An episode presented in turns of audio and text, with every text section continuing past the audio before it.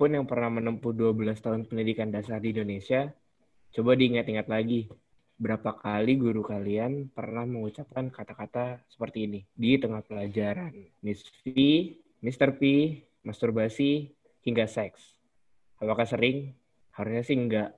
Kalaupun pernah, pasti momen kayak gitu pun bisa dihitung pakai jari. Semua guru dan orang tua kalau ditanya tentang menyatakan pendidikan seks sejak dini, itu penting sekali untuk tumbuh kembang anak. Mereka pasti akan bilang seperti itu. Namun, apakah yang dimaksud pendidikan seks berarti membahas secara terbuka tentang berhubungan badan, sampai dengan memahami jenis alat pengaman untuk berhubungan intim? Pemerintah sendiri sampai sekarang masih enggan menyajikan materi pendidikan seks secara gamblang Opsi yang tersedia sekarang hanyalah sisipan pengetahuan sosial organ reproduksi di mata pelajaran biologi ataupun di mata pelajaran pendidikan jasmani dan kesehatan di tingkat pelajar SMP dan SMA. Antipati terhadap pendidikan seks salah satunya didorong anggapan bahwa hal ini hanya akan memperbesar kemungkinan anak untuk melakukan hubungan seks di bawah umur ataupun di luar ikatan perkawinan. Padahal Lingkup pembahasan pendidikan seks tidak hanya berkisar pada kegiatan bersenggama saja. Pendidikan seks nggak melulu soal hubungan badan. Balik lagi di podcast obrolan luar nalar. Halo Polaroid, apa kabar? Balik di episode ke-15. Dan hari ini nggak cuma ada Irfan, ada Lukman juga. Hari ini kita kedatangan bintang tamu, wanita. Boleh diperkenalkan diri dulu namanya siapa? Halo, halo, halo. Coba tebak siapa Yeay. gue. Ayo tebak. Langsung aja ya. Halo, nama gue Liner. Halo semuanya. Halo Senang. Liner. Halo Gigi. Di topik kali ini kita akan ngomongin soal kenapa pendidikan seks itu penting. Udah gak sabar banget nih gue pengen bahas-bahas ini nih. Mantap. Mantap. Waduh. Waduh. Waduh. Waduh, ngeri. Eh, ini tiga orang jangan ada yang tiga orang jangan ada yang mau kalah ini semangat loh ini bintang tamunya. Aduh, saya orang awam bapak. Saya orang awam. Kita langsung masuk aja kali ya ke topik pembahasan kita kali ini. Jadi setelah tadi gue bacain narasi atau sedikit apa ya beberapa paragraf kali ya tentang apa yang ada di pemikiran gue sebenarnya dengar kata seksi gue agak-agak gimana gitu ya. Soalnya gue tuh orang yang kurang sex education sih sebenarnya gitu. Okay. Jadi kayak kalau kita bahas seks tuh gue agak aduh malas gitu. Kalau misalkan lagi ngobrol-ngobrol atau tiba-tiba bahas seks gitu. Kalau kalian gimana? Pertama kali yang ada di pikiran gue denger denger kata seks itu adalah ya kayak seperti apa yang orang awam pikirkan ya berhubungan badan kali ya. Kalau gue sih mikirnya gitu dan mungkin hmm. karena naluri cowok kali ya agak sedikit mengarah ke hal-hal yang berbau kotor mungkin. Sebenarnya ya mengarah kepada perilaku ya itu tadi. Cuman maksudnya kalau mau diartiin-artiin lain lagi juga bisa gitu maksudnya terserah lu gimana gitu. Tapi kalau kalau gue sih uh, mengarah kepada ya berhubungan badan tapi mungkin konteksnya berhubungan yang dilakukan oleh orang-orang yang memang sudah sudah sudah punya hubungan atau sudah punya ikatan yang sah gitu sih. Menurut gue ya kalau menurut gue tuh gaya hidup cuy, lifestyle. Kenapa lifestyle? Karena yang namanya seks itu kan tadi kan pertanyaannya apa yang pertama kali kalian pikirkan saat mendengar kata seks kan? Kalau menurut gue yang pertama kali gue pikirkan ya lifestyle karena kehidupan manusia kan tidak jauh dari yang namanya seks itu yang pertama. Terus oh. yang kedua oh sebelum terciptanya manusia modern nih sebenarnya kan manusia-manusia primitif zaman dulu juga udah mengenal itu ya kan dan juga menjadi suatu kebutuhan yang biasanya dilakukan satu individu dengan individu lainnya itu secara rutin gitu. Kalau dari subjektif gue sendiri itu pertama kali gue denger kata seks sih sebenarnya bingung sih karena pertama kali gue denger tuh gue masih SD tuh jadi ya bingung aja gitu itu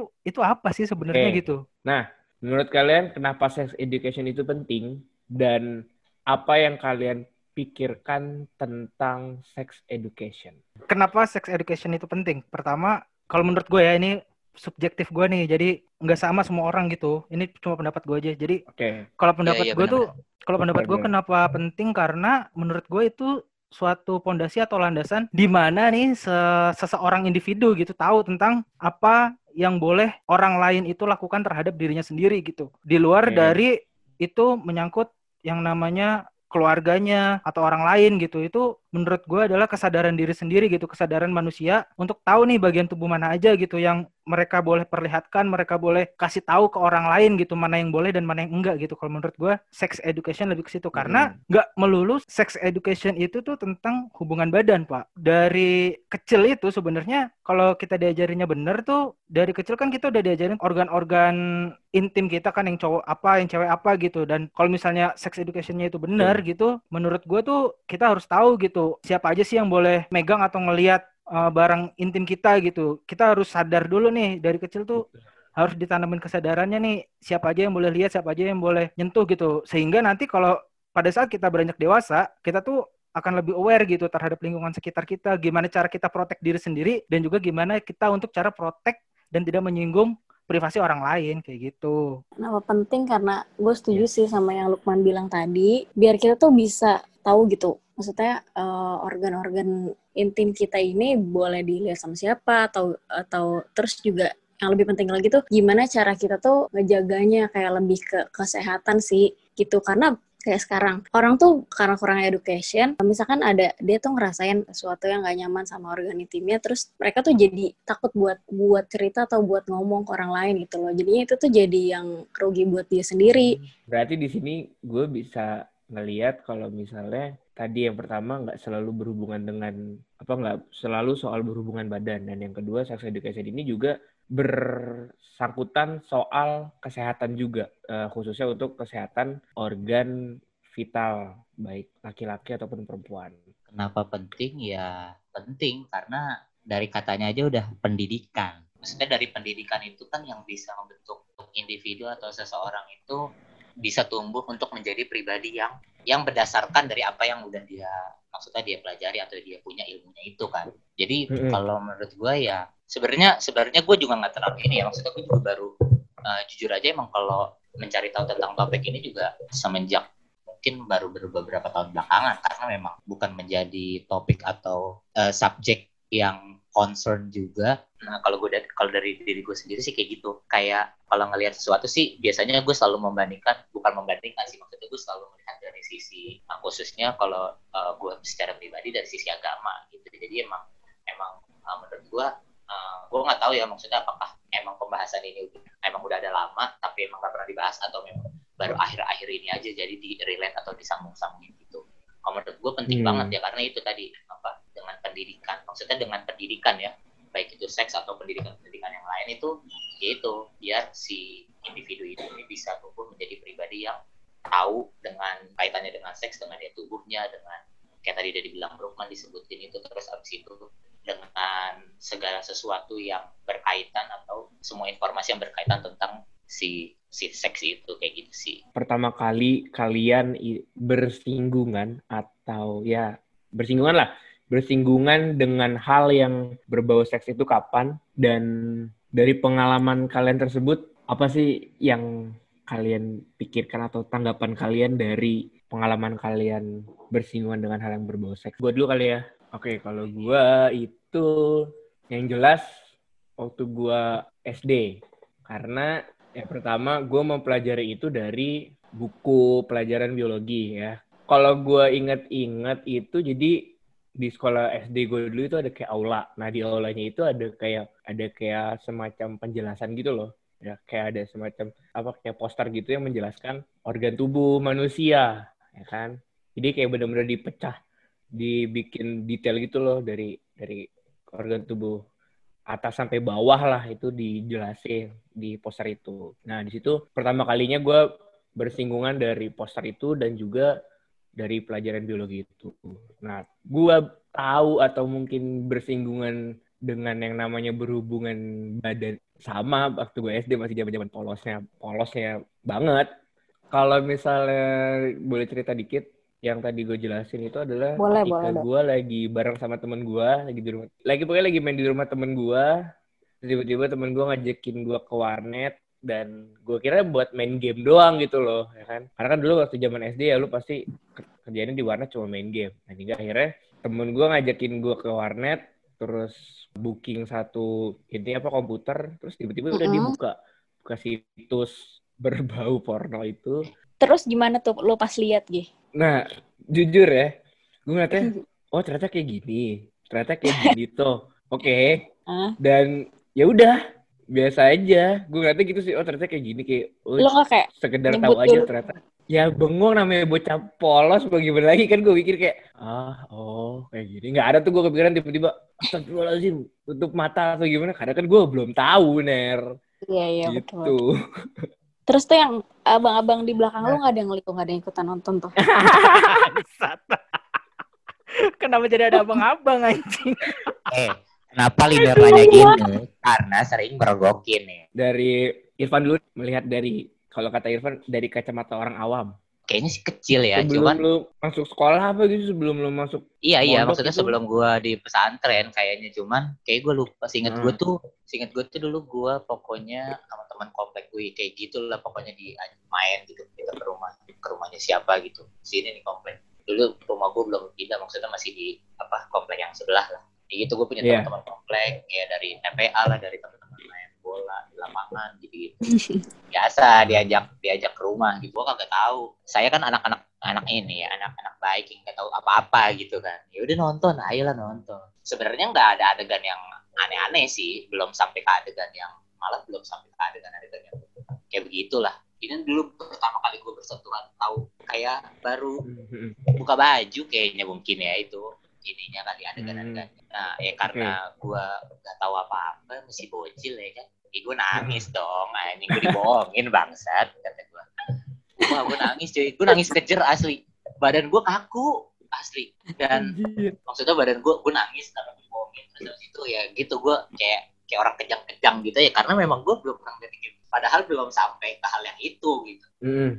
terus habis itu habis itu sempet apa ya eh, buat gue itu hal-hal maksudnya konteks topik kita ini eh, buat gue menjadi suatu hal yang apa ya menakutkan. Jadi sempet sampai gue umur berapa gitu. Kalau kayak gue parno sendiri gitu loh. Kayak kalau Hmm. lagi ya kayak gue kalau lagi liburan gitu ya ke hotel kayak gue takut aja gitu di sebelah tuh.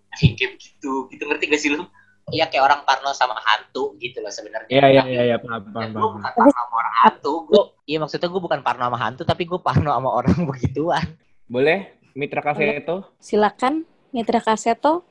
Anjing. Saya sudah tidak sabar mendengar jawaban Anda. Belum aja nih kayaknya mikir nih kayaknya gue dulu kayak Diinget-inget nih. tuh baru sekarang tanya gitu pasti. sekarang lagi inget-inget nih Ner. Pengalaman yang mana ya? Tahun berapa? Anjing. Pengalaman nomor satu sampai berapa ya? Yang mau gue ceritain gitu. Gak gitu dong pilih salah satu man Ini sama aja. Yang paling-paling paling-paling berkesan lah. Anjing. Eh, per- pertanyaannya kok jadi berkesan. Oh iya salah ya salah. Anjing lah. Lupa, Seneng deh. Sama linear tuh pertanyaannya kayak orang yang udah punya experience banyak gitu loh terus Lukman tuh Aduh. jadi bisa kepancing gitu Lukman kalau gua sama Gigi kan nggak punya pengalaman ya Gigi ya. jadi Iya susah buat bener. mancingnya Oh, jadi Oh, iya. dong. Eh, Gimana sih? ya udah dari Lukman deh gimana deh Iya, kalau pertama kali SD sih benar. Gue sama kayak Gigi kayaknya. SD. Cuman karena SD itu emang anaknya ini ya, gue tuh apa sih ingin taunya tuh tinggi gitu. Jadi kayak oh ternyata Hmm. iya gue udah dika- udah dikasih kayak tontonan-tontonan gitu pak sama teman-teman gue kayak berhubungan seks tuh kayak gini kayak anjir lah. Oh ternyata kayak gini. Terus lucunya pas udah SMP kan ada pelajaran yang lebih masuk tuh ya reproduksi gitu. Terus pas gue belajar gitu baru sadar Yes. kayak oh ternyata tuh beda gitu apa yang ada di gue bayangin selama ini sama kejadi apa sama ilmu yang sebenarnya itu ternyata beda gitu korelasinya tuh jauh sorry nih, yang lu Hmm, bayangin oke. sebelumnya tuh gimana man? iya kan karena gue dapet influence-nya itu dari video dan gambar waktu SD kan jadi kayak ya udah namanya namanya anak SD kan gue membayangkan apa yang terjadi pada saat gue tonton itu itulah yang terjadi yang sebenarnya gitu dan gue nggak tahu tuh Oh. proses-proses Yes, terjadinya benar. tuh kan kayak gimana kan kayak bahayanya kayak gimana Mm-mm. terus juga eh, resikonya tuh buat orang yang melakukan tuh apa gitu kan belum ngerti gitu. Nah, semenjak berjalannya waktu ya kan masuk ke SMP jadi kita tahu kan belajar gitu. Ternyata kalau ngelakuin hubungan badan gitu ada bahayanya loh, ada konsekuensinya gitu, ada tanggung jawab yang harus lu pikirkan gitu sebelum melakukan itu. Nah, itu sih yang pertama kali gue belajar reproduksi itu sempat mikir juga kayak oh ternyata selama ini tuh apa experience influence yang udah gue terima itu sebelum-sebelumnya ternyata kalau gue bandingkan dengan ilmu yang bener gitu itu ternyata beda gitu karena kan kalau di ilmu yang bener tuh dikasih tahu kan kayak resikonya tuh apa, terus tanggung jawabnya apa. Sementara kalau yang ya, kita dikasih tontonan kan ya udah lu tonton aja gitu. Kita nggak tahu nih resikonya apa hmm. gitu. Terus cukup tahu, cukup tahu. Iya, tahu. tanggung jawabnya apa gitu. Kita kan nggak tahu nih, kita cuma nonton gitu. Ter kalau tiba-tiba ya kan terbersit ingin melakukan tapi kita nggak tahu tanggung jawab dan resikonya itu kan yang bahaya sebenarnya karena Bener, menurut gue tuh kenapa pendidikan seks itu jadi tabu di Indonesia tuh ya karena menurut gue ya orang-orang tua di Indonesia tuh kayak enggan gitu memberitahu anak-anaknya tentang yang sebenarnya gitu. Mereka tuh kayak ibaratnya tuh mengibaratkan sesuatu dengan sesuatu yang lain gitu. Kayak misalnya hmm. apa alat kelamin cowok gitu dibilangnya burung nanti persepsi anak tentang burung itu kan macem-macem ya. Jadi kenapa sih enggak ah, iya kenapa sih enggak dibilang kalau kalau alat vitalnya tuh namanya yang bener gitu? Apa sih mengandaikan sesuatu yang sebenarnya tuh ada namanya gitu? Itu sebenarnya yang salah tuh dari situnya dulu sih yang pertama. Terus kalau hmm. misalnya kita juga dikasih tahu tentang tanggung jawab dan resikonya menurut gue anak-anak Indonesia tuh bakal lebih aware gitu. Nggak kayak yang sekarang. Mereka tuh taunya ya mereka tahu cuman mereka nggak langsung tahu dari orang tua mereka gitu. Dari kerabat circle inner circle terdekat gitu. Mereka kan yes. cenderung tahu dari tontonan, dari lingkungan, dari pergaulan gitu kan. Okay. Jadi pemahamannya yeah. tuh nggak sempurna gitu. Sementara pada saat si anak ingin menanyakan ke orang tua, orang tua tuh cenderung lebih milih menghindar gitu loh. Kayak yeah. kenapa kenapa sih nggak nggak langsung lu lu kasih tahu aja gitu. Bahayanya apa? Betul. Terus ininya apa gitu sih kalau menurut gue. Padahal kan kalau gue tambahin dikit mana? Ya, Padahal Boleh. kan kalau misalnya lebih apa ya, better lah ya, lebih baik tahu dari orang tua dibanding lingkungannya gitu loh. Karena ketika orang tua ngasih tahu kan orang tua orang tua juga ngasih tahu uh, jeleknya tuh kayak gini, buruknya kayak gini. Terus ya kalau misal kalaupun ada positifnya, positifnya kayak gini gitu loh. Sementara kalau tahu dari dari luar kan malah berdampak hal yang buruk ya, kayak misalnya tiba-tiba lu tahu dari temen dan temen lu malah ayo coba ayo coba ayo kayak gitu nah, gitu kan iya Wah. itu yang bahaya sebenarnya itu Salah dia anjir. pertama kali bersinggungan ya bersinggungan itu ya yes. SD sih karena maksudnya kita gue tahu uh, organ reproduksi itu pas SD terus juga kan kita apa pubertas ya pubertas terus Yep. Dari situ baru baru kenapa gini nih gitu. Gue mulai berpikir gitu. Terus udah gitu, kalau dari cerita-cerita yang kayak kalian, kayak ngelihat yang kayak gitu kan, ngelihat yang kayak gitu, gue juga sebenarnya pernah. Tapi gue lupa ini antara SD atau SMP. Jadi tuh tante gue tuh lagi pada ngebahas video yang lagi hits nih. Waktu itu yang si Ariel Luna tuh kalau nggak salah. Wah. Terus tuh Wah kan kayak kok kenapa kok dirahasia wow. terus kayak ngeliat terus tapi kayak pas ada gue tuh kayak jangan-jangan ada ada iner gitu kan terus kayak oh gitu terus gue jadi jadi kepo di situ apa sih sebenarnya gitu sampai akhirnya gue jadi penasaran banget akhirnya gue lihat sendiri pas saudara gue nggak ada. Ya udah kaget kan oh kayak gini terus ya udah. Gue nggak nangis kayak si Irfan main rahasia-rahasiaan. Yang tadi kita bilang, Man. Iya bener ini sebenarnya kan. Ya, ini. Ya, jangan ada ada linear, ada linear. Ntar gimana gimana. Nah. Iya, karena gitu. Jadi kan jadi kepo sendiri kan, salah. Harusnya kayak dikasih ya, tahu. Betul. Jangan ini tuh ini ini ini, jangan hmm. dilihat lagi gimana gitu. Betul betul. Hmm. Nyambungin yang tadi juga yang soal orang tua ya. Pernah nggak kalian nanya ke orang tua kalian tentang yang namanya seks ataupun soal sex education atau mendapatkan sex education dari orang tua kalian? Sebenarnya yang gue keluh keluhin nih, gue tuh sekarang gini, kita kan anak kecil ya, maksudnya kita juga nggak paham, kita juga nggak tahu. Jadi kayak buat kita nanya tuh eh, mungkin jarang kan ada anak kecil yang kayak kecuali gini, kecuali case-nya kayak yang itu kita ngelihat duluan terus jadinya kita nanya baru bisa cuma kalau misalkan kita nggak tahu okay. sama sekali terus nanya kan nggak mungkin kan jadi menurut gue emang dari yes. dari orang tuanya dulu sih yang penjajakan ke anaknya cuma kalau dari hmm. keluarga gue tuh emang kaku banget sih sama yang kayak gini-gini jadi gue tuh emang nggak pernah dapet gue ngerasanya emang gue tuh nggak pernah dapet sex education dari kecil nggak pernah nanya karena menurut gue nih orang tua gue kalau misalkan ngebahas ini tuh mereka uh, eh, gak mau jawab gitu yang malah menghindar gitu yang kayak tadi si hmm. Gigi bilang Yang Itu malah sih. mereka takutnya berpikir kalau misalnya misalnya sang anak tahu malah dia takutnya malah melakukan hal yang negatif gitu. Padahal kan kalau lu kalau memberitahu kan lu bisa menjadikan itu memberikan hal yang preventifnya itu kayak gimana ya kan? Mm-mm. Mungkin kayak mereka bingung gimana ngasih taunya, terus juga mereka tuh mikir kayak Yes, Ah, kecil. belum saatnya tahu yang kayak gitu-gitu gitu. Tapi emang harus sih, oke, harus oke. dari kecil tuh harus diajarin sih. Kalau gua jujur kalau nanya nggak pernah. Ah, ah. Pas kecil pun gue nanya pun nggak pernah. Ya ya udah hasilnya kejadian kayak tadi yang gue ceritain. Gue tahu sendiri, tahu dari Ada temen sendiri. dan nggak ya dan nanya nanya sama orang tua pun nggak pernah dan mendapatkan sex education pun nggak pernah. Even kalau kalau misalnya pemikiran gue kayaknya sih even sampai sekarang nggak juga. Dan malah gue mendapatkannya dari ya kayak nonton-nonton video-video dari YouTube, baca-baca artikel. Ya kan karena mungkin isu sex education ini uh, mulai rame belakangan beberapa tahun belakangan ini kan. Sehingga akhirnya jadi gue coba cari tahu sex education, terus lihat tiba-tiba ada munculnya di artikel dari YouTube, di acara TV, ya kan. Bahkan acara TV pun ada juga yang membuat satu segmen soal sex education ini gitu. Anjir kalau ditanya pernah, gue pernah, pernah gue nanya anjir. Oke, ini ya, ini sisi orang yang pernah nanya nih. Oke, ini menarik nih. Gimana, Mas? Tanya langsung ya ke orang tua gue, ke bapak gue tuh Hmm. tepatnya. Pak, gue tanya kan masih kecil tuh dulu, Pak, seks apaan sih? Terus gue malah diomelin coba. Kamu tahu kayak gitu dari mana? Tiga aplok ya. Lah saya kan nggak tahu, makanya saya nanya gitu. Masa ditanya balik, kamu tahu itu dari Eh, bocah mana? bader. Iya lah, Bader buat bader. kan Terus gue mau, anak cepetan sholat ngaji langsung digituin pasti. iya kan kita mau tahu ya. Udah diomelin dah tuh sama bokap gue terus gue tanya lagi sama om gue. Gue mah kan orangnya gitu ya penasaran gitu. Om, seks itu apa sih? Terus ada bokap gue juga kan terus, eh kamu udah dibilangin ya. lucu banget sih, lucu banget. Serius aku tanya tuh bokap gue kayak gitu anjir terus ya udah akhir-akhirnya dikasih tahu tapi sama om gue tuh dikasih tahu kan bahayanya tuh kayak gimana terus kenapa ini kenapa orang tua lu tuh nggak mau kasih tahu gitu gue dikasih tahunya di situ malah sama om gue gitu Hmm.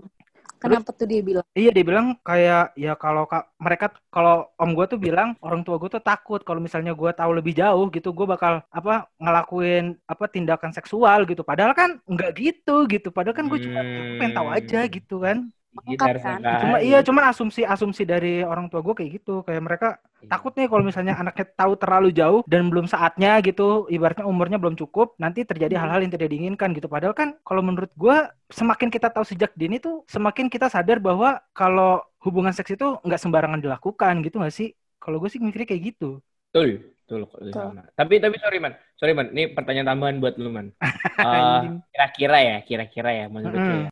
Apakah, apakah itu cuma orang tua lu doang atau mungkin semua orang tua di Indonesia, di khususnya di budaya timur lah ya. Apakah semua orang tua berpikiran seperti itu? Kalau menurut gue sih sebagian besar iya. Orang tua orang tua zaman dulu ya, bukan orang tua orang tua yang sekarang nih, yang anaknya masih satu tahun dua tahun gitu enggak. Jadi orang tua orang tua yang zaman dulu nih Gi, yang Hmm. anaknya kira-kira sekarang tuh umurnya udah selu gitu, seliner kayak gitu. Kalau menurut gue sih pemikirannya kayak gitu. Cuman kenapa gue bisa bisa bilang kayak gini karena banyak juga keponakan-keponakan gue yang kecil-kecil tuh nanyanya tuh ke gue gitu tentang hal kayak gini. Kayak mereka tuh udah nanya sama orang tuanya, cuman ya gitu apa orang tuanya tuh nggak mau jawab dan memilih untuk menghindar gitu sih. Dari Irfan, boleh Van. Pernah nggak Van lu nanya Van? Kalau dulu mah nggak pernah. mendapatkan kayak dulu nggak Kalau pernah. dulu nggak pernah ya karena ya itu kan yang kayak tadi gue ceritain gue nggak tahu jadi emang gue nggak mau tahu gitu. Oke. Kalau dulu tuh gitu maksudnya kayak sampai kapan ya sampai SMP kali gue sempet kayak gitu tuh sampai SMP sih. Mau takut-takut Hmm. dengan hal itu tuh gue sampai SMP. Terus Hmm. ya mulai-mulai masuk SMA ya gue belajar sendiri. Terus ya kalau nanya sih ya akhir-akhir ini semenjak gue pulang maksudnya kan lebih punya waktu luang untuk komunikasi untuk ngobrol gitu kan terutama ke Hmm. ke siapa ke ibu Nanyanya gue pas udah gede berarti ya. iya maksudnya ya akhir-akhir ini lah maksudnya semenjak gue pulang Ya. juga kalau gue sih enggak maksudnya konteks nanyanya tuh enggak nanya langsung kayak kayak tadi lu kan gitu kayak nanya "Eh, bu seks itu apa enggak kayak gitu gue nanyanya jadi kayak biasanya gue tuh kalau mau nanya sesuatu yang mungkin berkaitannya sama hal-hal yang kayak begitu tabu lah ibarat kata dianggap ya. Ya gue biasanya eh, selalu nanyainnya eh, pakai case study gitu loh. Jadi kayak ada ada kejadian Hmm. apa atau ada ada ada momen apa yang berkaitan dengan konteks tersebut.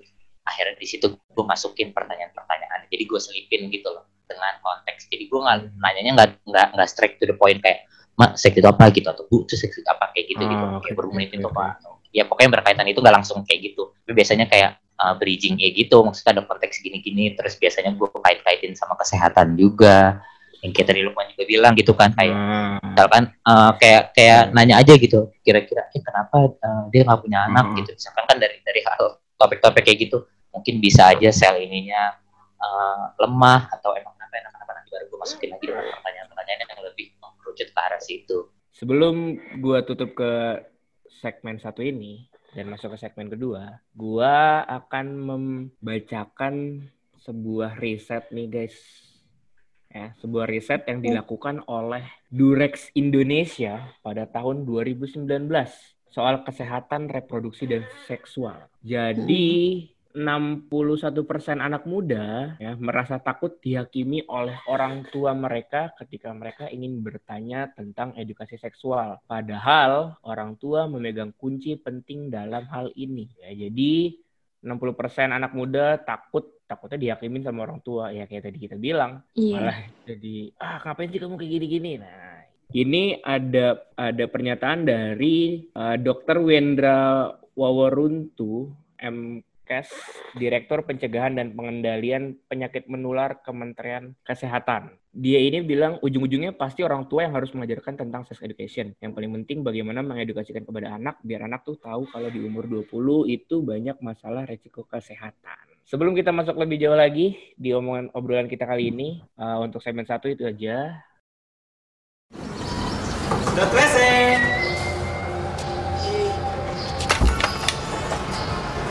Baru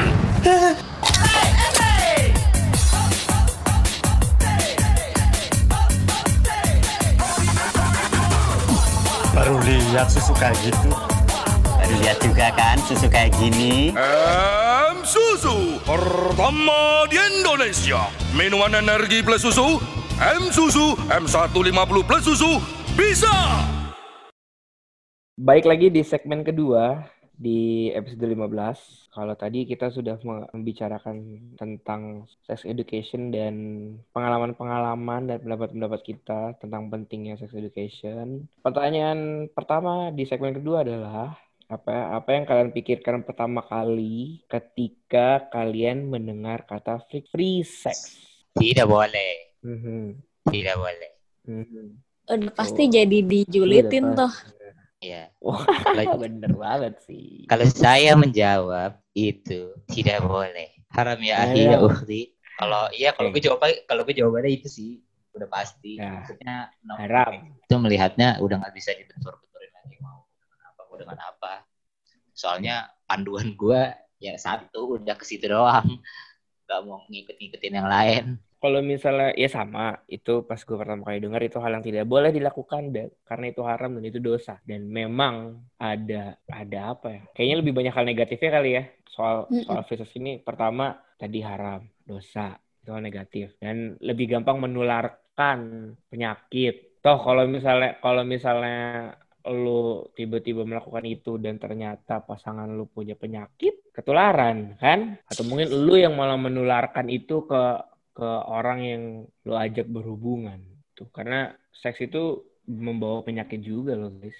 Penyakit penyakit itu ada juga seks gitu maksud gua. Sebenarnya tuh hal ini ya pakai hukum sebab dan akibat aja gitu sih. Ya, bukan betul, berarti betul maksudnya sih. bukan berarti jawaban gua juga untuk melarang yang enggak. Maksudnya kan yang buat yang dengar kan kita nggak tahu ya. Maksudnya kan punya yeah. point of view yang beda juga. Jadi ya yes. oke okay juga. Yeah. jadi gitu maksudnya kalau memang lu punya point of view atau komitmen atau pendirian atau emang ya hal-hal yang mau lakuin sebenarnya bebas-bebas aja gitu cuman kalau buat gua pertama itu udah haram terus ya sesimpel hukum sebab dan akibat aja kayak gitu cuma gini ada juga yang bilang ada juga yang bilang kalau ini tuh uh, seks di luar nikah gitu kan iya. terus yeah. ada juga yang bilang free sex ini tuh kita tuh ganti-ganti pasangan kayak yang tadi lo bilang Gi. Jadi sebenarnya hmm. yang masuk tuh yang mana nih? Kalau gue sih kalau ditanya nih, mm-hmm.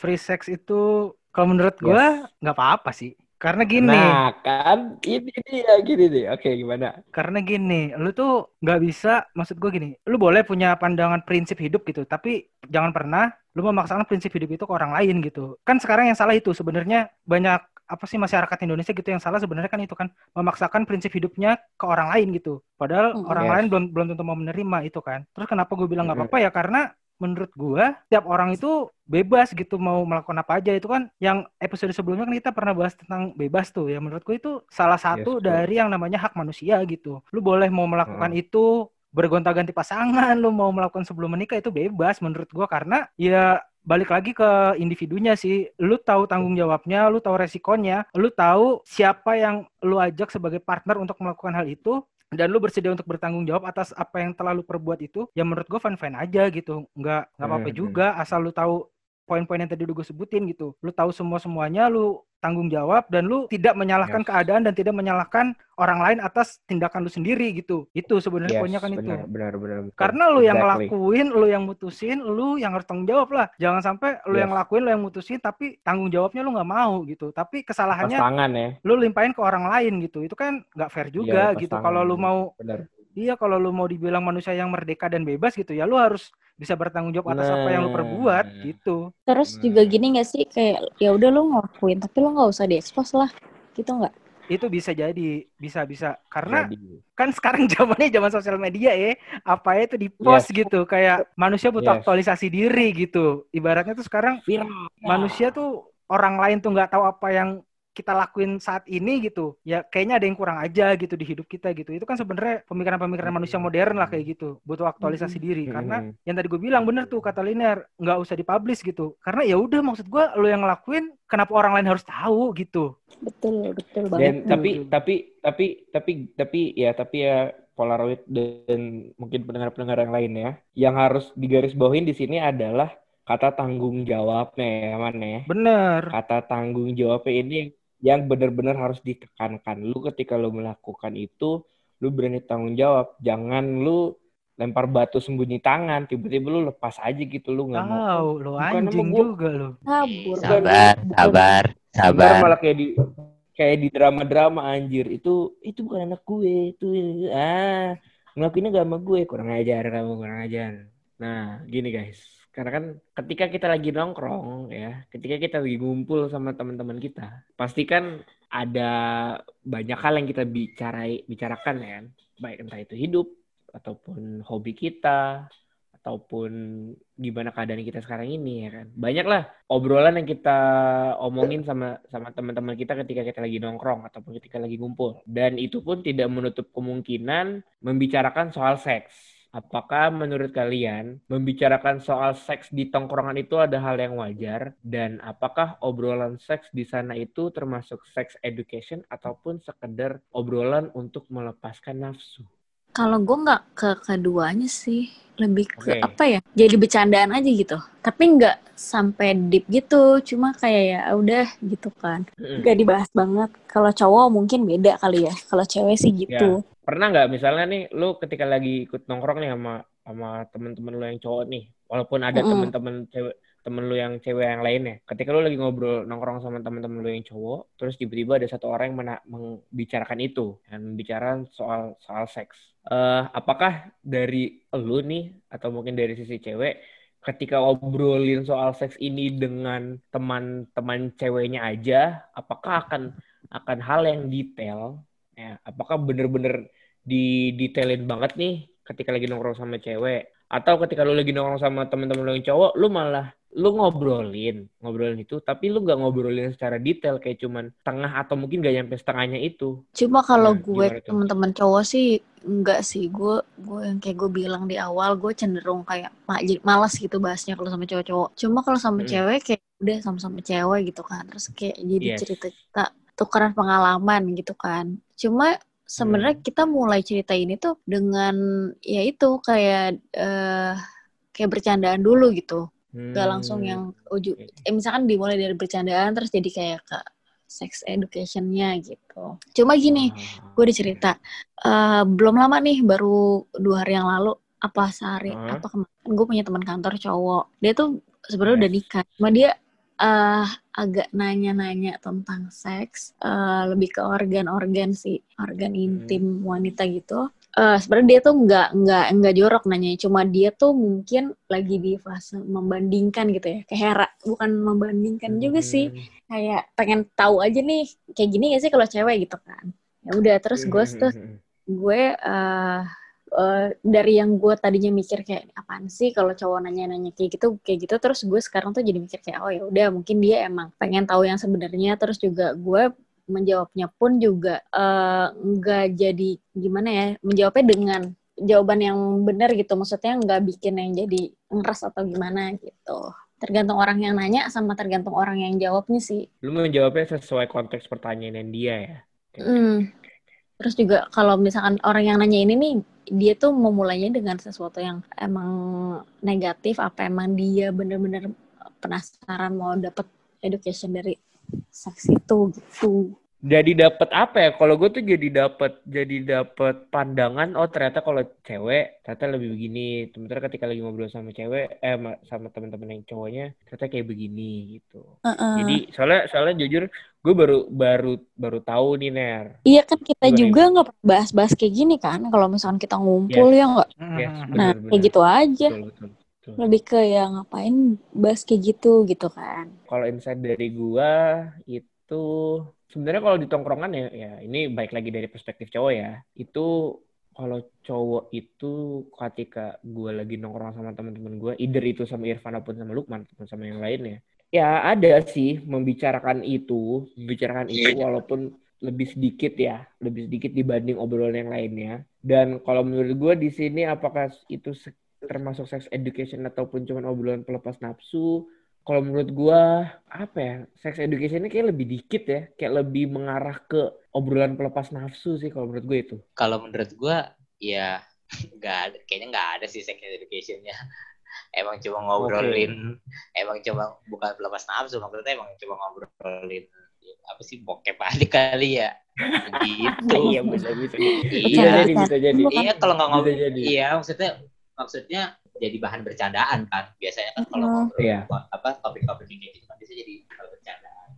Tapi Iya, iya. kadang kalau misalkan eh, kadang gue juga suka kayak kalau misalkan apa yang gue tahu tuh kadang gue juga suka kayak nginformasi juga sih biasanya kan dari Hmm. bercandaan-bercandaan terus nanti biasanya gue suka timpalin pakai oh yang benar tuh kayak gini loh kalau gue tahu gitu biasanya sih kayak gitu hmm, kayak gitu oke. sih jadi apa eh, apa eh, kalau kalau di enggak enggak kalau dibilang sex education banget ya enggak juga karena memang ya obrolannya begitu aja deh kalau ngomong bokep Hmm. ngomongin ketar ketertarikan secara fisik ya kan visual ya kan cowok kan begitu biasanya obrolan obrolannya kan menurut gue sih kayak gitu benar benar benar.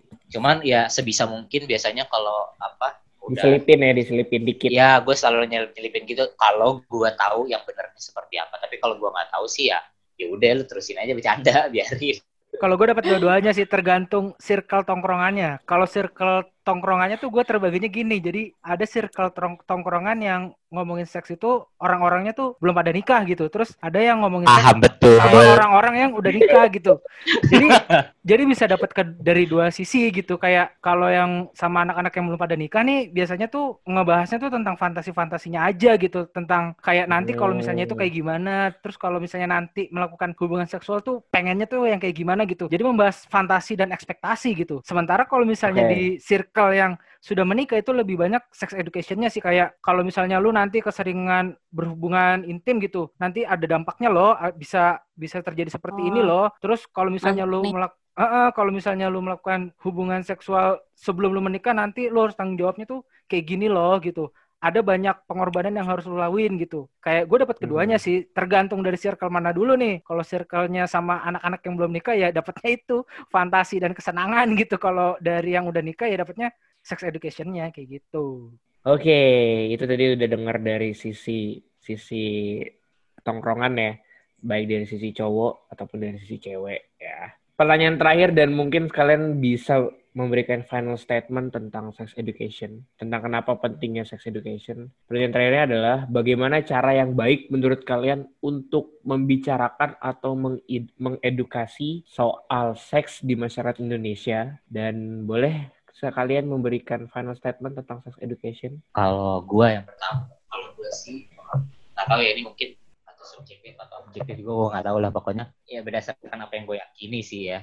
kalau mau ngomongin tentang pendidikan seks, yang paling utama kalau dari gue uh, harus apa ya bukan kayak hal yang paling pertama itu adalah menekankan uh, nilai-nilai kalau gue nilai-nilai agama dulu sih kalau buat gue ya. Yes, pertama bener. sih gitu sih soalnya gue tahu maksudnya setahu gue pasti apa pun agamanya juga ya yang ngajarin kalau ngomongin tentang hal ini pasti kan selalu mengarahnya yang kebaikan bukan yang keburukan ya Betul. bagaimana cara kita benar-benar memahami hal itu aja gitu. Jadi jangan jangan Betul. malah sebenarnya itu adalah uh, hal yang benar tapi malah dilenceng-lencengin. Nah itu kan biasanya bisa aja dari oknum-oknum yang gak bertanggung jawab gitu ya mungkin atau orang-orang yang memang apa benar-benar nggak itu sih. Jadi yang paling pertama sih itu harus ada nilai-nilai agama karena menurut gue itu pondasi sih. Yang kedua itu menurut gue gimana cara kita itu untuk mengedepankan anggapan bahwa si apa pendidikan seks atau seksualitas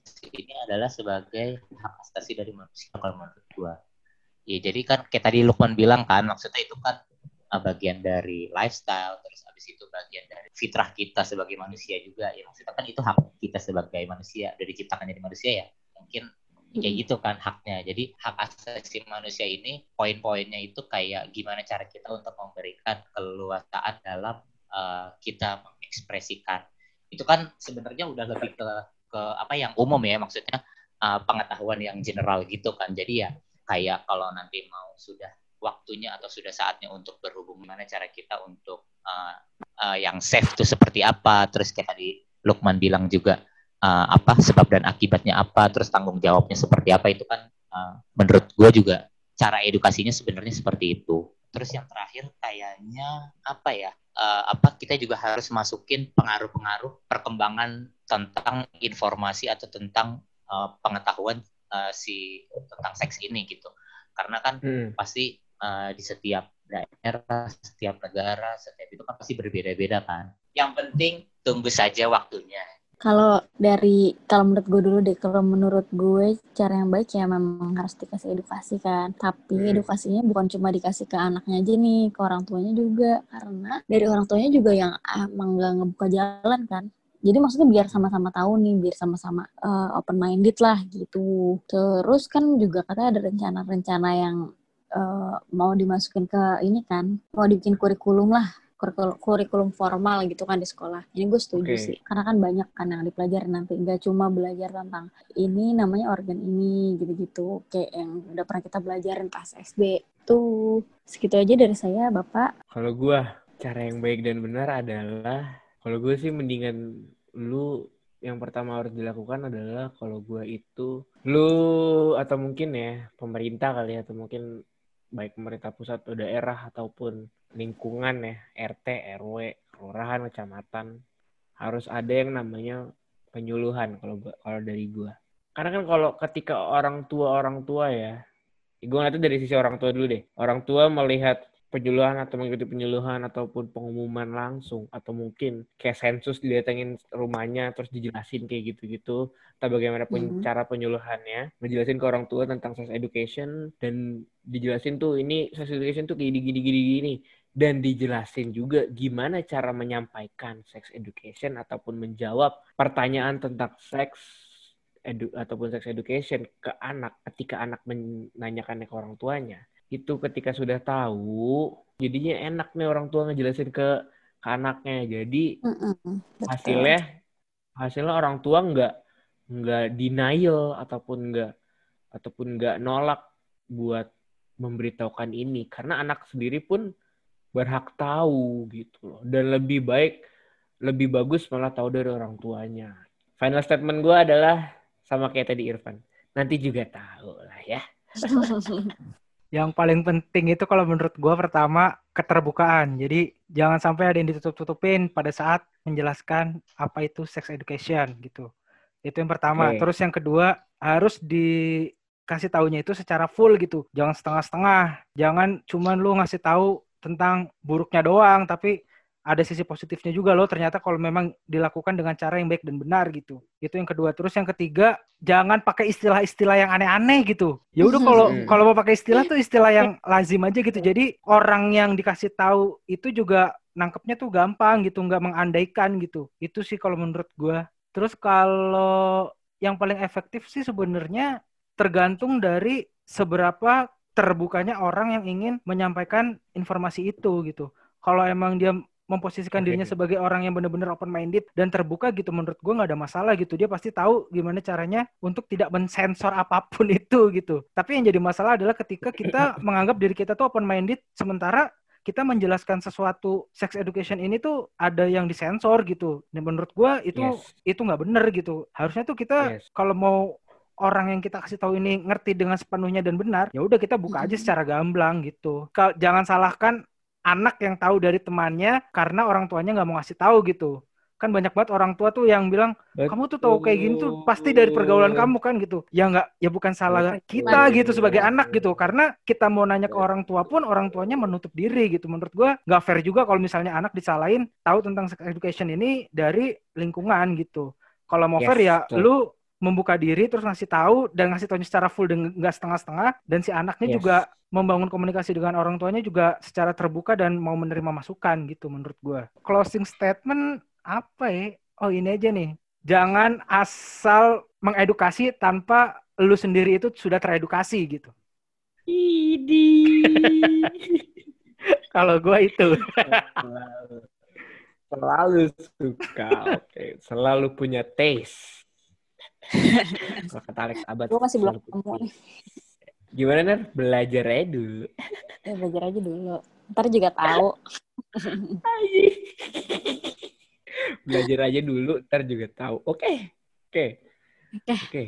Mungkin udah itu aja untuk di episode kali ini. Terima kasih buat Polaroid yang masih setia mendengarkan kita dari episode-episode sebelumnya hingga sekarang. Terima kasih untuk Liner sudah yep. mau menjadi bintang tamu kita di episode kali ini. Semoga bisa menjadi pembelajaran ya. Betul sekali. Generation. Jangan lupa disebarin ke teman-temannya, diberikan insight juga ke kita apa yang harus kita bahas untuk episode selanjutnya.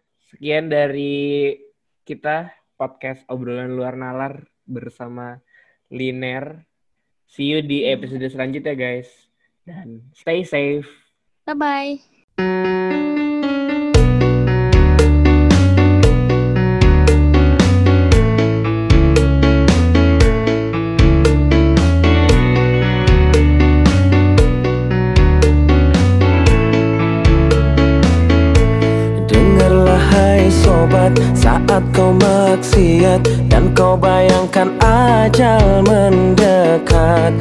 Apakan kau buat kau takkan selamat. Pasti dirimu habis dan tamat. Bukan ku so taat sebelum terlambat. Ayo sama-sama kita taubat. Dunia sesaat awas kau tersesat.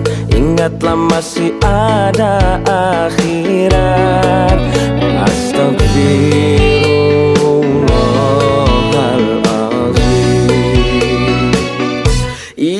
Ingat mati, ingat sakit Ingatlah saat kau sulit. Ingat, ingat hidup cuma satu kali. Berapa dosa kau buat? Berapa kali maksiat